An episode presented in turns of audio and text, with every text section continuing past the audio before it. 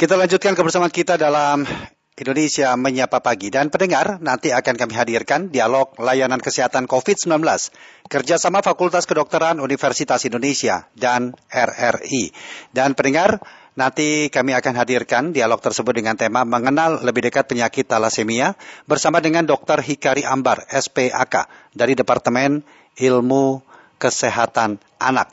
Nanti kami undang Anda untuk dapat berinteraksi dalam dialog layanan kesehatan di 021 352 3172, 021 384 4545, 021 386 6712, dan juga melalui WhatsApp kami di 081 399 399 888. Namun sebelum itu kami sampaikan beberapa informasi lalu lintas khususnya di ruas tol di wilayah Jabodetabek yang kami pantau dari akun Twitter PT Jasa Marga, di mana diinformasikan bahwa pagi hari ini atau saat ini terjadi kepadatan khususnya di ruas tol Jagorawi, tepatnya di Cililitan kilometer 02 sampai dengan Cawang kilometer 00 dikarenakan peningkatan volume kendaraan yang melintas. Dan kepadatan di titik lain juga kami pantau terjadi di Karawang Timur kilometer 54 hingga kilometer 56 400 arah Cikampek karena ada kecelakaan kendaraan kontainer di tepi jalan tol atau di sebelah kiri. Dan tetap berhati-hati bagi Anda yang melintas di kawasan tersebut untuk mengurangi kecepatan kendaraan dan selalu menjaga jarak dengan kendaraan aman kendaraan lainnya. Dan juga informasi lain yang Anda miliki mungkin lalu lintas pada pagi hari ini kami nantikan di 081 399 399 888. Dialog Layanan Kesehatan kerjasama Pro 3 RRI dengan Fakultas Kedokteran Universitas Indonesia. Mengenal lebih dekat penyakit talasemia yang menjadi topik kita dalam dialog layanan kesehatan COVID-19 kerjasama FKUI dan RRI. Dan kami nanti akan membahasnya bersama dengan Dr. Hikari Ambar SPAK dari Departemen Ilmu Kesehatan Anak. Dan pendengar silakan nanti Anda kami undang untuk dapat berinteraksi di 0213523172, 021 384 4545, 021 386 6712, serta melalui WhatsApp kami di 081 399 399 888. Segera kita mulai pagi hari ini. Kami telah tersambung melalui telepon bersama dengan Dr. Hikari Ambar, SPAK dari Departemen Ilmu Kesehatan Anak. Dr. Hikari, selamat pagi dok. Selamat pagi. Ya, kabar baik dok ya pagi hari ini ya. Alhamdulillah. Ya. Mengenal lebih dekat penyakit talasemia. Sebenarnya yang dimaksud talasemia bisa dijelaskan dulu. Apa ini dok? Baik, jadi talasemia itu adalah suatu, suara saya jelas ya? Ya, jelas sekali dok. Ya baik. Talasemia itu adalah suatu kelainan darah yang menyebabkan sel darah merah Mhm. ya, itu lebih cepat hancur dari sebelum waktunya. Hmm. Biasanya usia sel darah merah yang normal itu sekitar 120 hari. Kalau sudah 120 hari, normalnya diganti oleh sel darah merah yang baru. Mhm. Nah, pada penyakit talasemia ini, sel darah merahnya lebih cepat hancur sebelum waktunya karena kondisi anatomisnya, jadi bentuknya itu tidak normal. Ya. Tidak normal sehingga lebih cepat rusak. Akibatnya, sel darah merahnya banyak rusak, orang yang sakit talasemia akan menderita anemia, kekurangan sel darah merah, Mhm. artinya turun. Ya. Nah, karena berulang terus sel darah merah rusaknya itu, maka lama-kelamaan KB-nya turun terus dan orang akan menderita anemia yang bersifat kronis. Ya. Baik. Dok, mungkin juga bisa dijelaskan sebenarnya penyebab utamanya apa dok? Se- atau seseorang itu bisa mengidap talasemia? Jadi ini adalah suatu talasemia itu ada banyak macamnya ya, tapi paling banyak adalah talasemia beta, ada talasemia alfa. Nah, talasemia beta yang paling banyak mayoritas di seluruh dunia ini eh, merupakan suatu kelainan genetik yang diturunkan dari kedua orang tua. Oke. Jadi kelainan bawaan Jadi genetik ini dok ya? genetik. Mhm. Nah, biasanya eh, harus didapat dari kedua orang tua. Hmm. Nah, eh, masalahnya adalah sering kali orang tuanya terlihat sehat, jadi dia memang tidak sakit talasemia, Mhm. tetapi sebagai karier atau pembawa sifat talasemia. Ya. Gejalanya mungkin bisa disampaikan juga dok, seperti apa aja yang gejala dialami atau yang mungkin dirasakan bagi seseorang yang, yang mengalami talasemia ini. Gejala yang utama adalah anemia atau pucat. ya.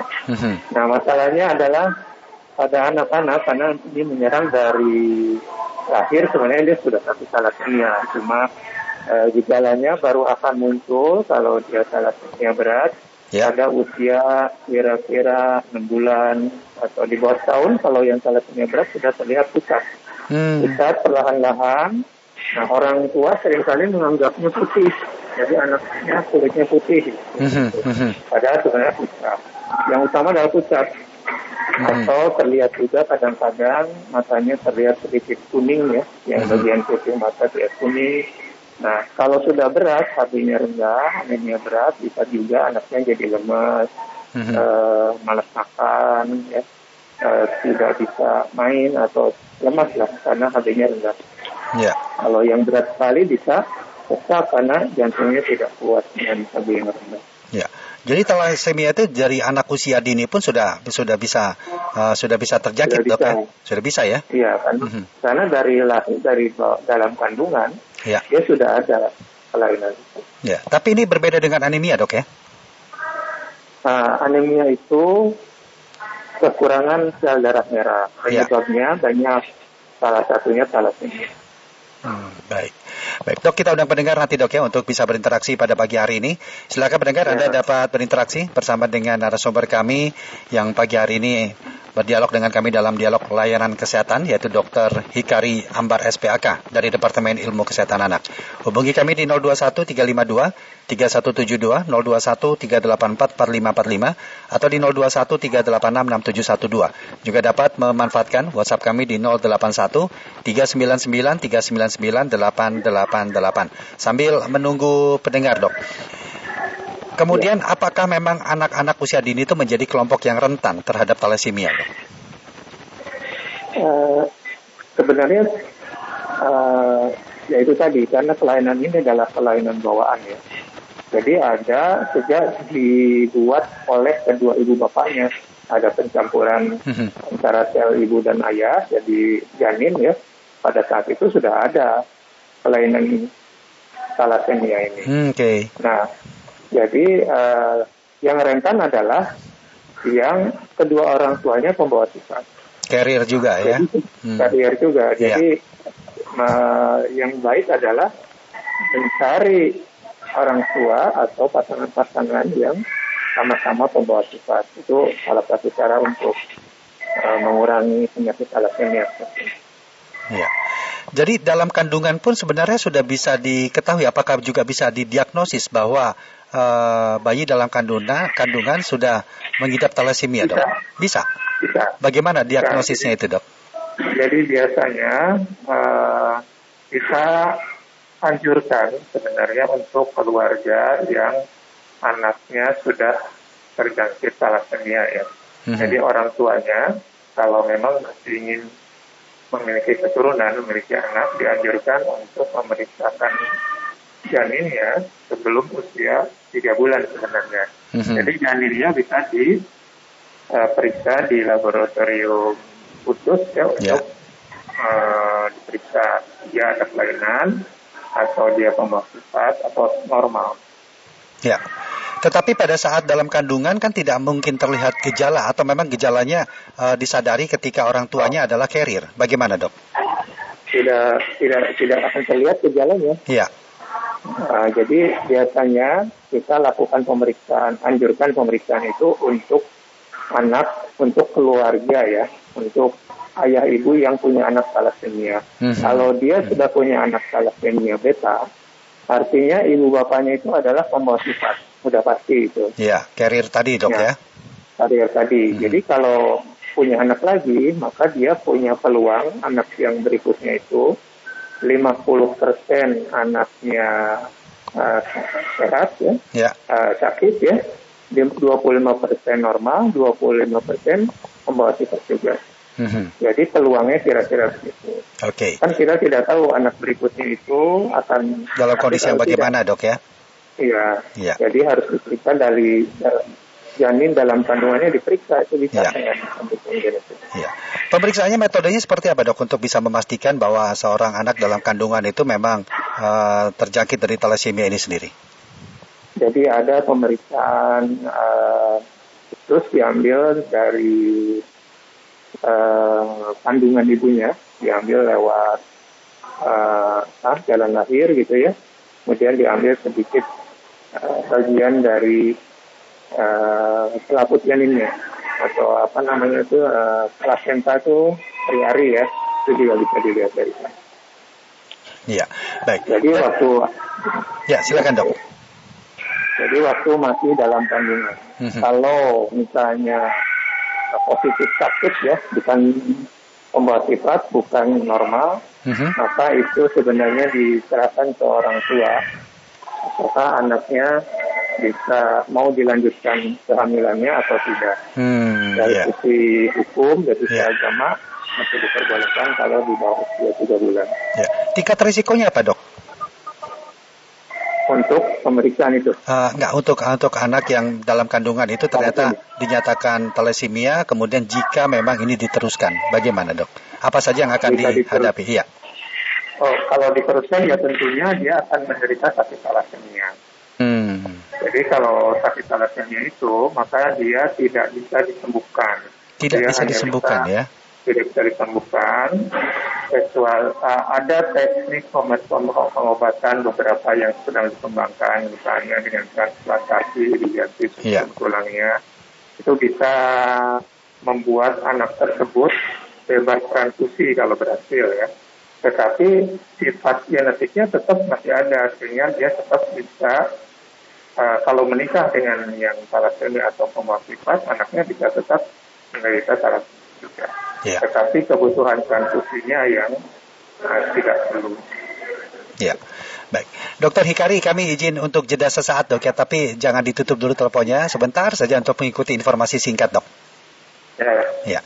Baik pendengar, sebelum kita lanjutkan lagi, kami ingatkan Anda untuk dapat menghubungi kami di 0213523172, 0213844545, 0213866712, dan melalui WhatsApp kami di 081399399888 dengan tema kita mengenal lebih dekat penyakit thalassemia.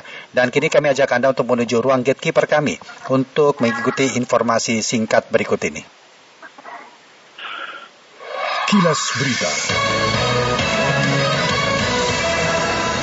Pendengar, mana informasi apa yang akan disampaikan pagi ini? Baik Rudi, terima kasih. Sebanyak 85 warga binaan lembaga pemasyarakatan Kelas 1 Semarang mendapat remisi khusus Hari Raya Natal di akhir tahun 2021. Informasi selengkapnya bisa Anda baca di rri.co.id. Ya, terima kasih Mbak untuk informasi singkatnya. Baik Dokter Hikari, kita lanjutkan kembali dok ya. Ya, dok tadi kan dikatakan bahwa uh, thalassemia ini tidak bisa disembuhkan tetapi menjalani terapi berkepanjangan. Apakah ini yang dikatakan terapi seumur hidupnya, dok? Betul. Jadi uh, pengobatan seumur hidupnya itu ada dua yang utama. Yang pertama transfusi darah ya. -huh. karena dia tergantung sama darah yang dari donor dari orang lain. Dan kedua uh, pengobatan untuk komplikasi dari suatu keadaan yang disebut sebagai kelebihan zat besi dalam tubuh. Jadi kalau pasien thalassemia atau semua pasien yang sering kali mendapat transfusi darah merah yeah. terutama, dia zat besinya dalam tubuh berlebihan dan itu mm -hmm. sangat membahayakan. Yeah. Sehingga perlu mendapat pengobatan untuk mengeluarkan zat besi itu dari tubuh itu juga seumur hidup. Mm -hmm. Apakah ya apakah penderita thalassemia harus melakukan transfusi darah seumur hidupnya, Dok? Betul. Hmm. Kemudian kalau dia ya. dia tidak akan mencapai HB yang normal. Jadi HB-nya rendah terus. Kalau HB-nya rendah terus, maka tubuh itu akan berusaha untuk memproduksi sel darah merah. Hmm. Hmm. Sehingga dia menggunakan segala daya upaya dan itu juga merusak sehingga biasanya tulang-tulangnya jadi rusak, jadi keropos, jadi jelek ya, hmm. dan uh, berbahaya. Ya. Selain transfusi darah, mungkin ada terapi lain yang memang uh, biasa dilakukan bagi penderita thalassemia. Bagaimana dok?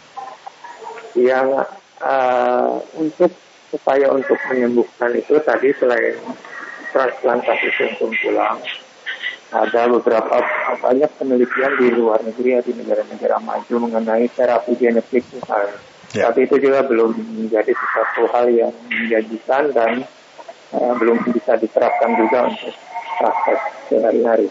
Hmm. Ya. Yang lain supportive care saja. Jadi misalnya uh, ada pemberian obat-obatan untuk mengurangi efek samping kemot uh, transfusi misalnya vitamin E atau sejenisnya antioksidan. Karena pemberian transfusi yang terus-menerus itu akan menghasilkan zat-zat yang tidak baik untuk tubuh yang disebut oksidan itu. Ya, baik. Dok tadi dokter katakan bahwa berdampak kepada kerusakan tulang. Separah apa dan berapa lama hal itu bisa terjadi? Tapi sebelum dijawab kita ke pendengar terlebih dahulu Dokter Hikari ya. Sudah ada Pak Oni di Bantul. Selamat pagi Pak Oni. Selamat pagi Mas Rudi. Iya. Dokter. Ya, silakan. Pagi. Assalamualaikum. Waalaikumsalam warahmatullahi wabarakatuh. Silakan Pak Oni. Ya, itu mengenai orang tua karir itu dibutuhkan dua-dua orang tua atau salah satu jadi, jadi karir untuk menurunkan thalassemia itu. Hmm. Lalu apakah penderita thalassemia itu kalau berketurunan itu semuanya akan menderita gitu anak-anaknya itu dokter. Saja terima kasih. Assalamualaikum. Ya, Waalaikumsalam warahmatullahi wabarakatuh. Bagaimana dok? Apakah harus kedua orang tuanya yang merupakan carrier sehingga akan menurunkan ke anaknya? Ya, kemudian pertanyaan kedua, apakah semuanya anak itu akan selalu mengalami uh, menderita dengan kondisi yang ada tadi? Bagaimana? Ya, jadi thalassemia beta itu harus kedua orang tuanya. Hmm. Jadi nggak mungkin salah satu yang membawa sifat harus dua-duanya. Ya, ya, ya. Karena ya. Uh, ya kalaupun kedua orang tuanya terlihat sehat, ya itulah dia pembawa sifat atau karier itu ya memang sehat, hmm. tapi dia membawa sifat genetik yang nggak bagus. Ya. Jadi nggak mungkin salah satu ya ayahnya saja ibunya saja. Harus kedua-duanya dok ya? Harus kedua-duanya. Kalau salah satu saja kemungkinan besar bisa tidak menjadi atau tidak mengalami talasemia kepada anak ya. Satu, hmm, kemungkinannya bagaimana? Satu, maka 50% anaknya normal, 50% anaknya pembawa sifat. Hmm, Oke, okay. Jadi yeah. masih kemungkinan pembawa sifat tapi tidak sakit, jadi tidak disebut sebagai satu talasemia. Iya. Ya, kemudian yang kedua kemudian, tadi. Mm -hmm. kalau ada orang tua dua-duanya pembawa sifat, maka dia punya peluang anaknya bisa normal, bisa pembawa sifat atau bisa sakit thalassemia. Hmm, ya. Gitu. Nah, peluangnya sekitar 50% dari anak yang dilahirkan itu sakit. 25% normal, 25% akan pembawa sifat. Oke. Okay. Ya. Baik, Dok. Kembali ke pertanyaan tadi, Dok. Uh, untuk selain kerusakan tulang, apakah uh, kerusakan tulang itu akan berjangka panjang dan berapa lama ya. untuk bisa diketahui dan mungkin juga dampak-dampak lain selain kerusakan tulang apa saja bagi penderita thalassemia jadi, ini dok? Jadi begini, kalau penderita thalassemia yang sakit thalassemia itu tidak mendapat transfusi darah yang cukup ya, uh, tubuh kita itu akan berusaha untuk memenuhi kebutuhan sel darah merah dengan cara menggunakan berbagai macam tulang hmm. untuk memproduksi sel darah merah. Ya. Biasanya yang normal itu hanya di tulang-tulang panjang seperti tungkai, ya, lengan yang panjang-panjang ya. Tapi tulang-tulang wajah yang pipih-pipih itu, dada itu jarang sudah tidak digunakan lagi pada usia dewasa. Tetapi pada yang sakit thalassemia itu dipakai lagi di situ sehingga tulangnya jadi rusak, jadi bentuknya Baik. berubah, jadi uh, ada yang disebut namanya wajah puli, itu nama orang. Jadi khas ya. untuk yang sakit thalassemia itu. Ya. Atau kerusakan tulang yang lain adalah karena uh, apa namanya tadi kelebihan zat besi yang tidak terkontrol. Ya. Baik dokter kita kembali ke uh, ruang sebelah kami dulu untuk mendapatkan informasi ini ada ya. sedikit tambahan mengenai informasi talasemia yang akan disampaikan oleh rekan kami Amanda Angelika Amanda. Silakan Amanda informasi apa mengenai talasemia yang ingin disampaikan? Baik, Rudi dan juga pendengar, uh, talasemia ini merupakan salah satu penyakit keturunan yang mengakibatkan tubuh kekurangan sel darah merah atau anemia. Kondisi anemia ini dikarenakan adanya perubahan gen pada penderita yang mengakibatkan sumsum -sum tulang belakang tidak mampu memproduksi sel darah merah yang normal secara ukuran, bentuk, fungsi, dan usia sehingga mudah pecah dan tidak mampu memenuhi kebutuhan oksigen bagi seluruh tubuh. Dan jumlah uh, penderita thalassemia di Indonesia ini terhitung relatif banyak, terutama yang tergolong sebagai pembawa gen thalassemia yakni sekitar 6 dari 100 orang. Dan apabila para pembawa gen thalassemia ini saling menikah, maka keturunan mereka akan berpotensi terkena thalassemia dengan tingkat keparahan yang berbeda-beda. 25% anaknya kemungkinan besar akan menderita thalassemia berat dan 50% menjadi pembawa sifat dan juga e, bebas talasemia sebesar 25% karena merupakan penyakit keturunan. Talasemia ini biasanya didiagnosis sejak usia anak-anak pada rentang e, usia 0 hingga 18 tahun. Sesuai dengan adanya perubahan genetik yang mengakibatkan kerusakan pada fungsi sumsum -sum tulang dalam memproduksi sel darah merah, penderita ini mengalami gejala akibat kondisi anemia dan banyaknya sel darah merah yang pecah sebelum waktunya. Rudi.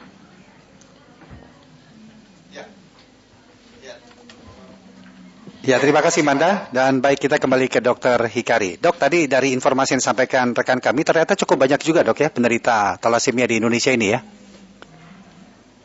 Dok. Halo dok. Halo. Ya. Halo, halo. dokter. Iya. Ya. Dari banyak banyak. Banyak juga dok ya. Banyak dan sepertinya uh, yang terdeteksi itu masih Uh, jadi fenomena gunung es lah itu kan yang terdeteksi yang ke rumah sakit yang di mhm, kota-kota mm -hmm. besar ya sementara di kota-kota kecil itu banyak yang sepertinya tidak terdeteksi. Iya. Baik. Dan dampak terparah apa dok kalau memang hal ini mungkin tidak tidak ditindaklanjuti secara secara cepat selain dari kerusakan tulang yang tadi sempat disampaikan dok? Uh, yang jelas dia akan kalau tidak diobati dengan baik akan menurunkan angka harapan hidup, hmm. kemudian menurunkan kualitas hidup. Jadi uh, dan secara itu secara ini ya kesehatannya seperti itu. Jadi angka yeah. harapan hidupnya lebih rendah walaupun sekarang dibanding 20 tahun yang lalu yeah. yang menderita sakit talasemia di Indonesia itu sudah meningkat jauh angka harapan hidupnya. Mm -hmm. Tapi tetap masih lebih rendah dibandingkan negara-negara yang lain. Negara lain ya. Baik. Ya. Pemahaman dari masyarakat kita sendiri, terutama orang tua terhadap anaknya uh, untuk masalah talasemia ini sejauh ini seperti apa nih dok? Selama ini kita sering memberikan edukasi untuk awam ya terkait thalassemia, tetapi memang uh, terutama ini juga dibantu oleh ada beberapa yayasan atau keluarga penderita thalassemia ya. Yeah. Ada namanya opsi uh, Perhimpunan Orang Tua Penderita Thalassemia Indonesia itu. Mereka juga aktif mengedukasi masyarakat sih sebenarnya. Mm-hmm. Tapi sebenarnya kita punya keinginan untuk meningkatkan program pencegahan thalassemia yang itu yang belum bisa dilaksanakan dengan Iya. Baik ya. Tapi fasilitas bagi penderita thalassemia untuk melakukan ah, terapi ya. sudah cukup lengkap dok ya di Indonesia saat ini ya? Uh, di Indonesia masih terpusat di beberapa kota uh mhm. -huh. tertentu. Jadi katakanlah misalnya di yang dekat saja Jawa Barat itu uh, tidak semua rumah sakit punya fasilitas karena okay. apalagi sekarang dengan BPJS ini agak kita juga administrasinya sehingga uh, tidak optimal lah, belum optimal. Ya. Tapi sudah lumayan. Baik, baik dok. Terakhir apa yang bisa dokter sampaikan untuk kita semua, khususnya para orang tua untuk lebih memahami dan juga uh, sangat peduli terhadap uh, hal seperti ini, talasemia ini. Silakan dok.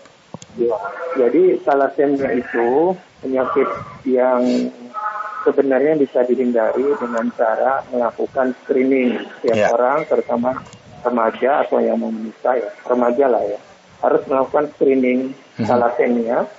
Kalau sudah tahu, misalnya pembawa sifat, hindari menikah dengan orang yang pembawa sifat juga. Oke, okay. carrier nah, juga ya. Jangka mm-hmm. panjang adalah menurunkan kejadian thalassemia dengan yeah. cara screening thalassemia.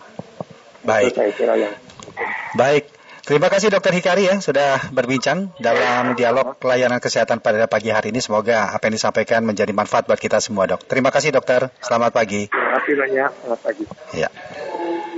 Demikian tadi pendengar perbincangan kami dalam dialog layanan kesehatan pagi hari ini dengan tema mengenal lebih dekat talasemia. Dan kami tadi juga telah berbincang bersama dengan narasumber kami, Dr. Hikari Ambar, SPAK, dari Departemen Ilmu Kesehatan.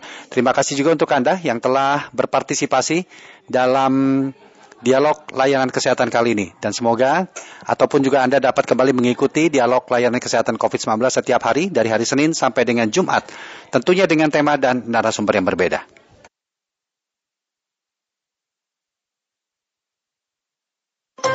Demikian dialog layanan kesehatan kerjasama Pro 3 RRI dengan Fakultas Kedokteran Universitas Indonesia. Acara ini bisa Anda dengarkan setiap Senin sampai dengan Jumat pukul 9.30 waktu Indonesia Barat.